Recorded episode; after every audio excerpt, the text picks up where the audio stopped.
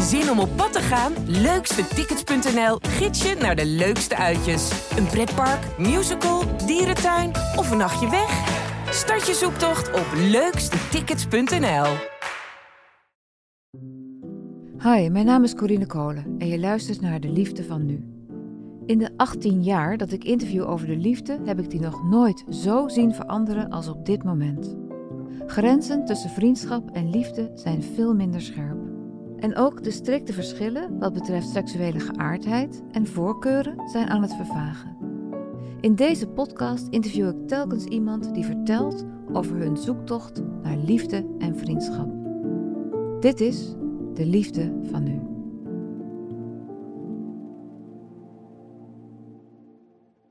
Iris, goedemiddag. Leuk dat je er bent.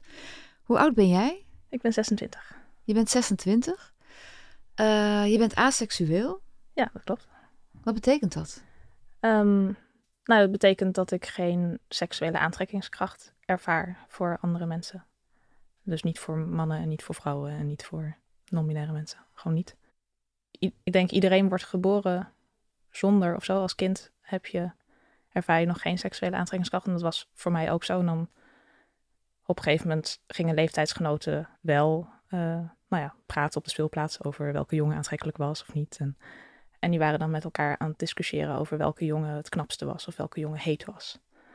Uh, uit de klas of zo.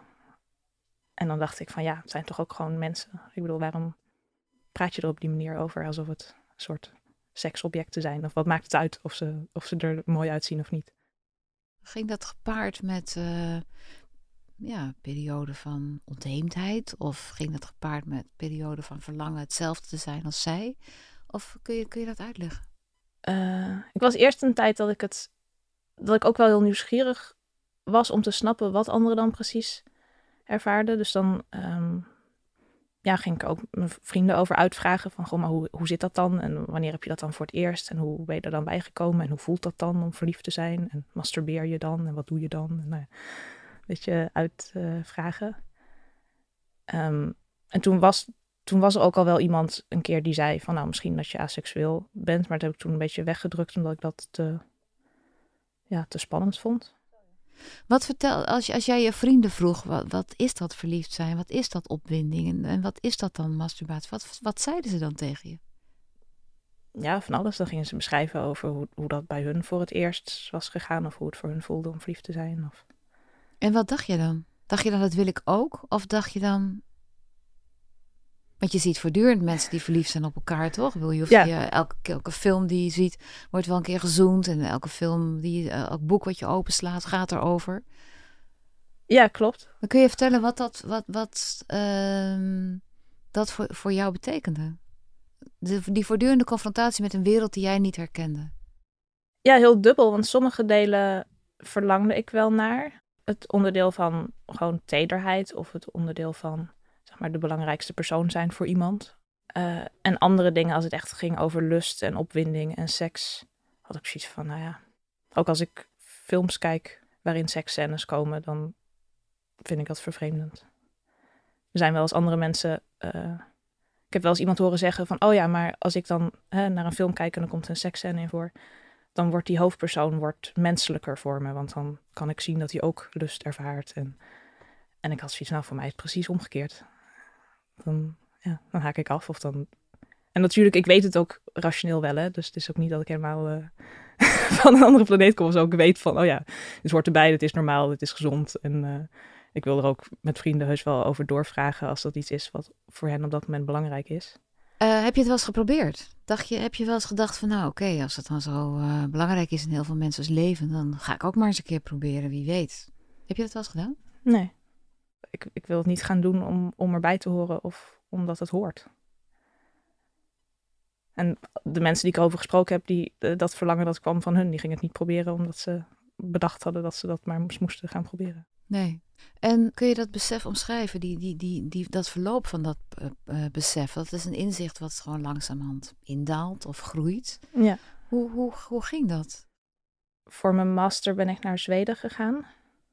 En daar kwam ik in contact met mensen die non-binair waren. En daar ook heel open over waren. En ik denk dat ik daardoor ook wel een ander beeld kreeg van wat zeg maar queer inhoud of zo. Ik denk dat het ook meespeelt, zeg maar, tijdens mijn bachelor. Dat ik dacht, zo, ja, maar als ik aseksueel ben, dan ben ik, val ik onder die queer community. En het beeld wat ik daarvan had, was zeg maar de gay pride en eh, mannen juist heel geseksualiseerd in roze pakken in, op de grachten, zeg maar. Dus ik dacht van ja, nee, daar, dat kan niet. Daar hoor ik niet bij. Het is zo juist het tegenovergestelde. En toen kwam ik dus in Zweden in contact met die non-binaire mensen die gewoon heel, gewoon heel normale mensen waren. Helemaal niet extreem geseksualiseerd of dat ze de hele tijd uh, op de grachten rondvoeren natuurlijk. Maar wel uh, mensen die wel uh, opwinding konden ervaren. Ja, dat wel. Waar was de ontmoeting met hen dan voor jou makkelijker om jouw aseksualiteit te accepteren? Ja, omdat een beetje de gedachte zo van, nou ja, als zij non-binair kunnen zijn, dan kan ik ook aseksueel zijn. Leg misschien niet heel logisch. Um, nou ja, omdat het iets is wat zo tegen de norm ingaat. En als zij dat openlijk kunnen doen en durven te doen. Als zulke gewone mensen zoals ik non-binair ja. durven zijn, dan durf ik ook mezelf meer te gaan ontdekken. Is dat ja, het? ik denk het wel, ja. En toen dacht je, oké, nou, misschien is dit het. Is, is het dan belangrijk dat je er een naam aan kan geven? Ja, voor mij wel. Uh, omdat het aangeeft dat, zolang ik er geen naam aan gaf, was het alsof ik steeds aan het wachten was op het moment dat het nog zou komen. Zeg maar dat ik nog niet volwassen was. Maar ooit zal ik nog wel volwassen worden en het zou gebeuren als ik een soort seksuele ontwaken zou krijgen of zo. En door te zeggen, ik ben aseksueel, zeg ik eigenlijk, ik ben af zoals ik ben. De mogelijkheid openlatend dat het, het zou nog kunnen komen, hè? dat weet ik ook niet. Ik kan niet in de toekomst kijken. Maar als het niet komt, dan ben ik ook af. Dus ik hoef er niet op te wachten. Ik denk dat dat is wat het me geeft.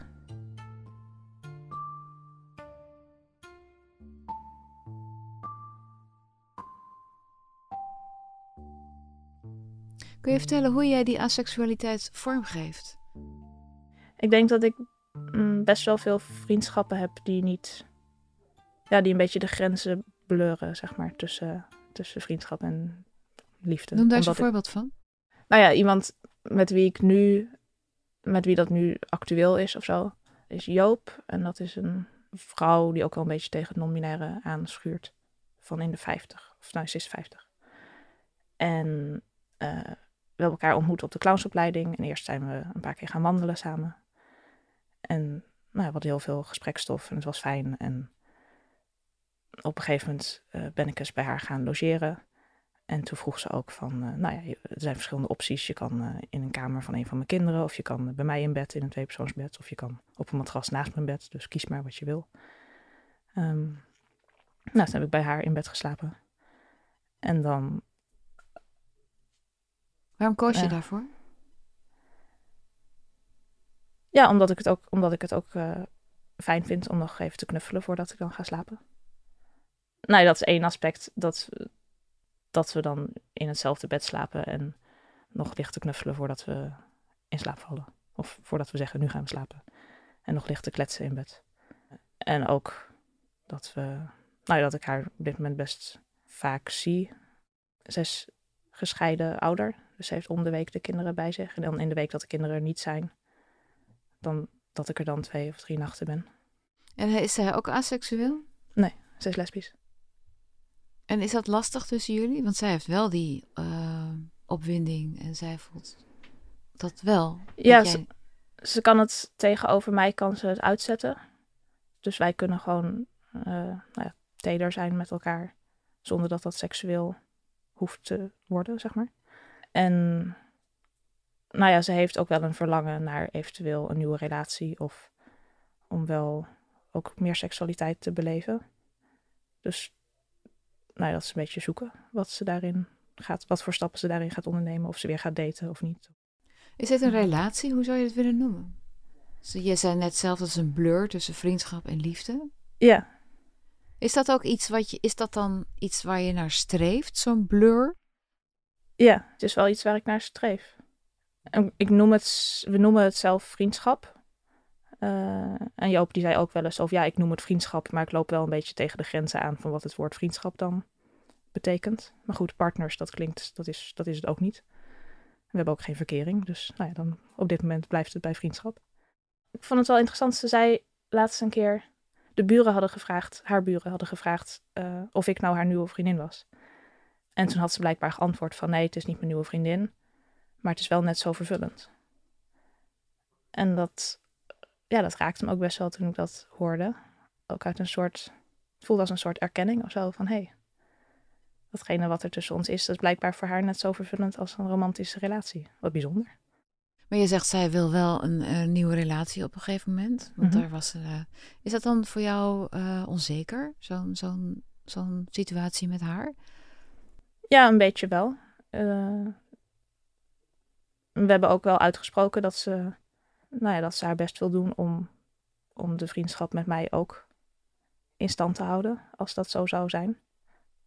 Maar, maar goed, het is ook, we weten ook allebei dat er dan waarschijnlijk daar minder tijd voor zou zijn. Ja, ben je daar bang voor?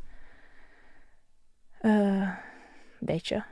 Maar op een bepaalde manier heb ik het wel voor over of zo. Of, of, ik, of ik leef in het nu en nu is het fijn. Wat heeft vriendschap wel wat romantische liefde niet heeft? En waardoor het misschien waardevoller is, of in ieder geval op zijn minst minstens zo waardevol. Ik heb wel eens iemand horen zeggen, en dat vond ik best goed gezegd, van een leven met vrienden en zonder romantische relatie. Misschien voor sommige mensen niet helemaal vervullend, maar dat is best oké. Of dat kan een goed leven zijn. En een leven met een romantische relatie en helemaal geen vrienden. Dat is hel of zo, zei, hè, zei die persoon. Um, vriendschap is waardevol omdat je omdat er warmte en, en liefde en tederheid in zit. En omdat je elkaar kan, kan spiegelen en uitdagen en van elkaar groeit. Misschien dat vriendschap ook wel meer ruimte in zich heeft. In de zin van dat je het elkaar heel erg kan gunnen om, om, om, om weg te gaan en erop uit te gaan en eigen dingen te ontdekken en te groeien en het uh, van elkaar weg beminnen, zeg maar. En dat dat in een romantische relatie toch meer dat je meer elkaar vasthoudt of vastklampt aan elkaar, of dat dat een, een risico kan zijn. Het is natuurlijk ook een voordeel dat de aseksualiteit. Want je hoeft je niet meer te richten op die monogamie en op, die, uh, op dat, dat relatieachtige, waar natuurlijk ook heel veel conventies bij komen kijken. Voel je dat zo of niet? Ja, soms voelt het wel als een soort vrijheid die ik heb, dat ik gewoon een beetje die grenzen kan blurren, inderdaad. En dat ik ja, soms ook bijvoorbeeld fysiek dichter bij vrienden kan komen dan anderen. Er is bijvoorbeeld een, een jongen waar ik bevriend mee ben. En sinds een paar jaar heeft hij een vriendin. Maar we zijn elkaar blijven knuffelen, zeg maar. En hij is me ook wel eens een keer in Zweden bij me komen logeren. En toen vertelde hij dat hij tegen zijn vriendin had gezegd: zo van, ah, maar je hoeft niet bang te zijn dat ik bij Iris ga logeren, want Iris is aseksueel, dus dat, dat gebeurt niks. En aan de ene kant voelt dat als een voordeel, dat ik dan zeg maar de vrijheid heb dat mensen, nou, dat mensen erop vertrouwen dat mijn knuffels niet seksueel zijn, zoiets, dat het niet bedreigend is. Aan de andere kant kan ik natuurlijk ook denken van ja, hij zegt tegen zijn vriendin bij Iris gebeurt er niks, wat bedoelt hij dan of zo? Want uh, hoezo is er niks?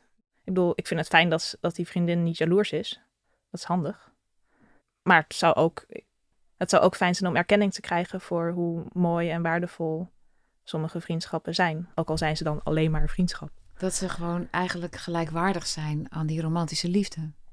Ja, misschien wel. Dat ze net zo gezien worden. Zijn er nog anderen ook op wie je, met wie je op eenzelfde manier intiem bent zonder seks te hebben? Ja, best wel wat eigenlijk. En dat zijn dan andere vriendschappen dan, uh, laat ik zeggen, seksuele mensen vriendschappen hebben? Ja, dat denk ik. Aan de andere kant zijn, zijn het natuurlijk wel vriendschappen met seksuele mensen. Dus, uh, um, zij, zijn, zij staan er dus blijkbaar ook voor open om die grenzen te blurren. Maar het is wel. Zijn, mensen zijn zo verschillend. Maar sommige mensen die een relatie hebben, lijkt het alsof die relatie echt helemaal op één staat en, en vriendschappen daar ver beneden bungelen. En het is anders dan dat soort vriendschappen. Uh, met de mensen in Zweden met wie ik bevriend ben op die manier, uh, die zijn ook polyamoreus. Dus dat creëert ook al meer ruimte. En die hebben ook wel eens tegen mij gezegd: zo, ja, het is niet omdat, omdat wij geen seksuele relatie hebben, dat onze vriendschap dan minder zou zijn dan, dan mijn seksuele partnerrelaties die ik heb. Dus daar ben ik gewoon een van de vijf of tien uh, dichtste contacten, ongeacht of we nou seks hebben of niet. Dus dat, daar, daarin voelt het wel heel gelijkwaardig. En hier in Nederland? Ja, er is nog een, uh, een, een getrouwd stel van in de vijftig. Waar ik eigenlijk met allebei een heel warme uh, relatie heb. Ik ga soms, uh, ik ga soms bij ze op bezoek. Niet heel vaak hoor. En dan ja, draai ik een beetje mee in het gezin. Gaan we wandelen samen, praten, tekenen, muziek maken. Knuffelen? Knuffelen. Ja. Met de man en de vrouw? Ja. Ja, ook als we dan, uh, als we naar bed gaan, zij hebben zeg maar een, een, een zolder waarop met een beetje twee helften en ze slapen al voordat ik kwam hoor. Ze slapen apart meestal. Dus eh, de man die slaapt aan de ene kant en de vrouw die slaapt aan de andere kant. En ik lig dan op een matras uh, bij de vrouw in de kamer. En het gebeurt ook wel eens dat we dan ochtends wakker worden en dat we dan nog even met z'n drieën uh, bij elkaar in één bed kruipen. Heb je een ideaal? Ik vind het nu lastig met een ideaal, omdat ik nu mensen, zowel in Nederland als in Zweden, uh, bevriend mee ben. En nou, ik ben realistisch genoeg om, om te, te, weten dat we niet allemaal naar één land gaan verhuizen. Een aantal vrienden die wonen nu in Zweden samen in een huis. Vier volwassenen, waarvan twee nou ja, mensen zijn met wie ik een heel warme relatie heb. En dat lijkt me, lijkt me op zich lijkt me dat gezellig om met hun samen te wonen, omdat dan ook wat meer een groep is. En, dus dat zou één beeld kunnen zijn. En voelt dat, uh, heb jij het idee dat jij je leven helemaal zelf hebt uitgevonden? Want er is niemand die jou dit heeft voorgedaan. Nee, dat klopt. Um, ja, zo kan ik het inderdaad soms wel voelen van dat, het een, dat ik de vrijheid heb gekregen of genomen om, om zelf een beetje te ontdekken wat voor vormen passen. Sommige periodes had ik wel gewild dat er, dat er rolmodellen waren, zeg maar, die dan veel ouder waren dan ik, waar ik naar kon kijken en zien van, oh ja, er zijn manieren om te leven waarbij je niet alleen bent en niet in een monogame relatie en ook niet in een klooster zit. Er is nog een andere weg.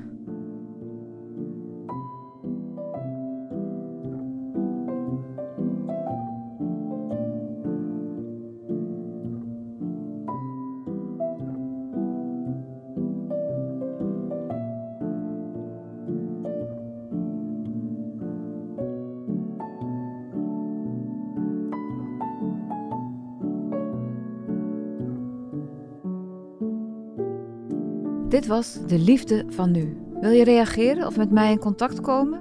Mail dan naar deliefdevanu@volkskrant.nl. Mijn naam is Corine Kolen. Ik maak deze podcast samen met Mona de Brouwer, tevens editor. Eindredactie en coördinatie is van Corinne van Duin en de begin- en eindmuziek is gemaakt door Juriaan de Groot. Dank je voor het luisteren.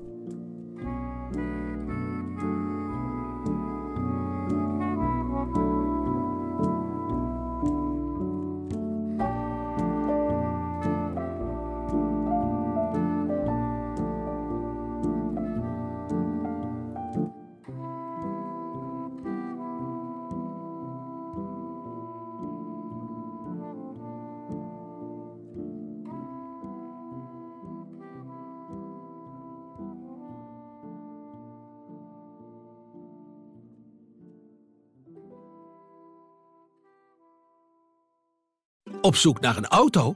Op gaspedaal.nl zoek en vergelijk je op meer dan 40 autosites tegelijk. Je zoekt op de grote autoportalen en bij de autodealer om de hoek. Je hebt het grootste aanbod en maak daarom de beste vergelijking. En zo mis je nooit meer een auto. Zoek en vergelijk op gaspedaal.nl.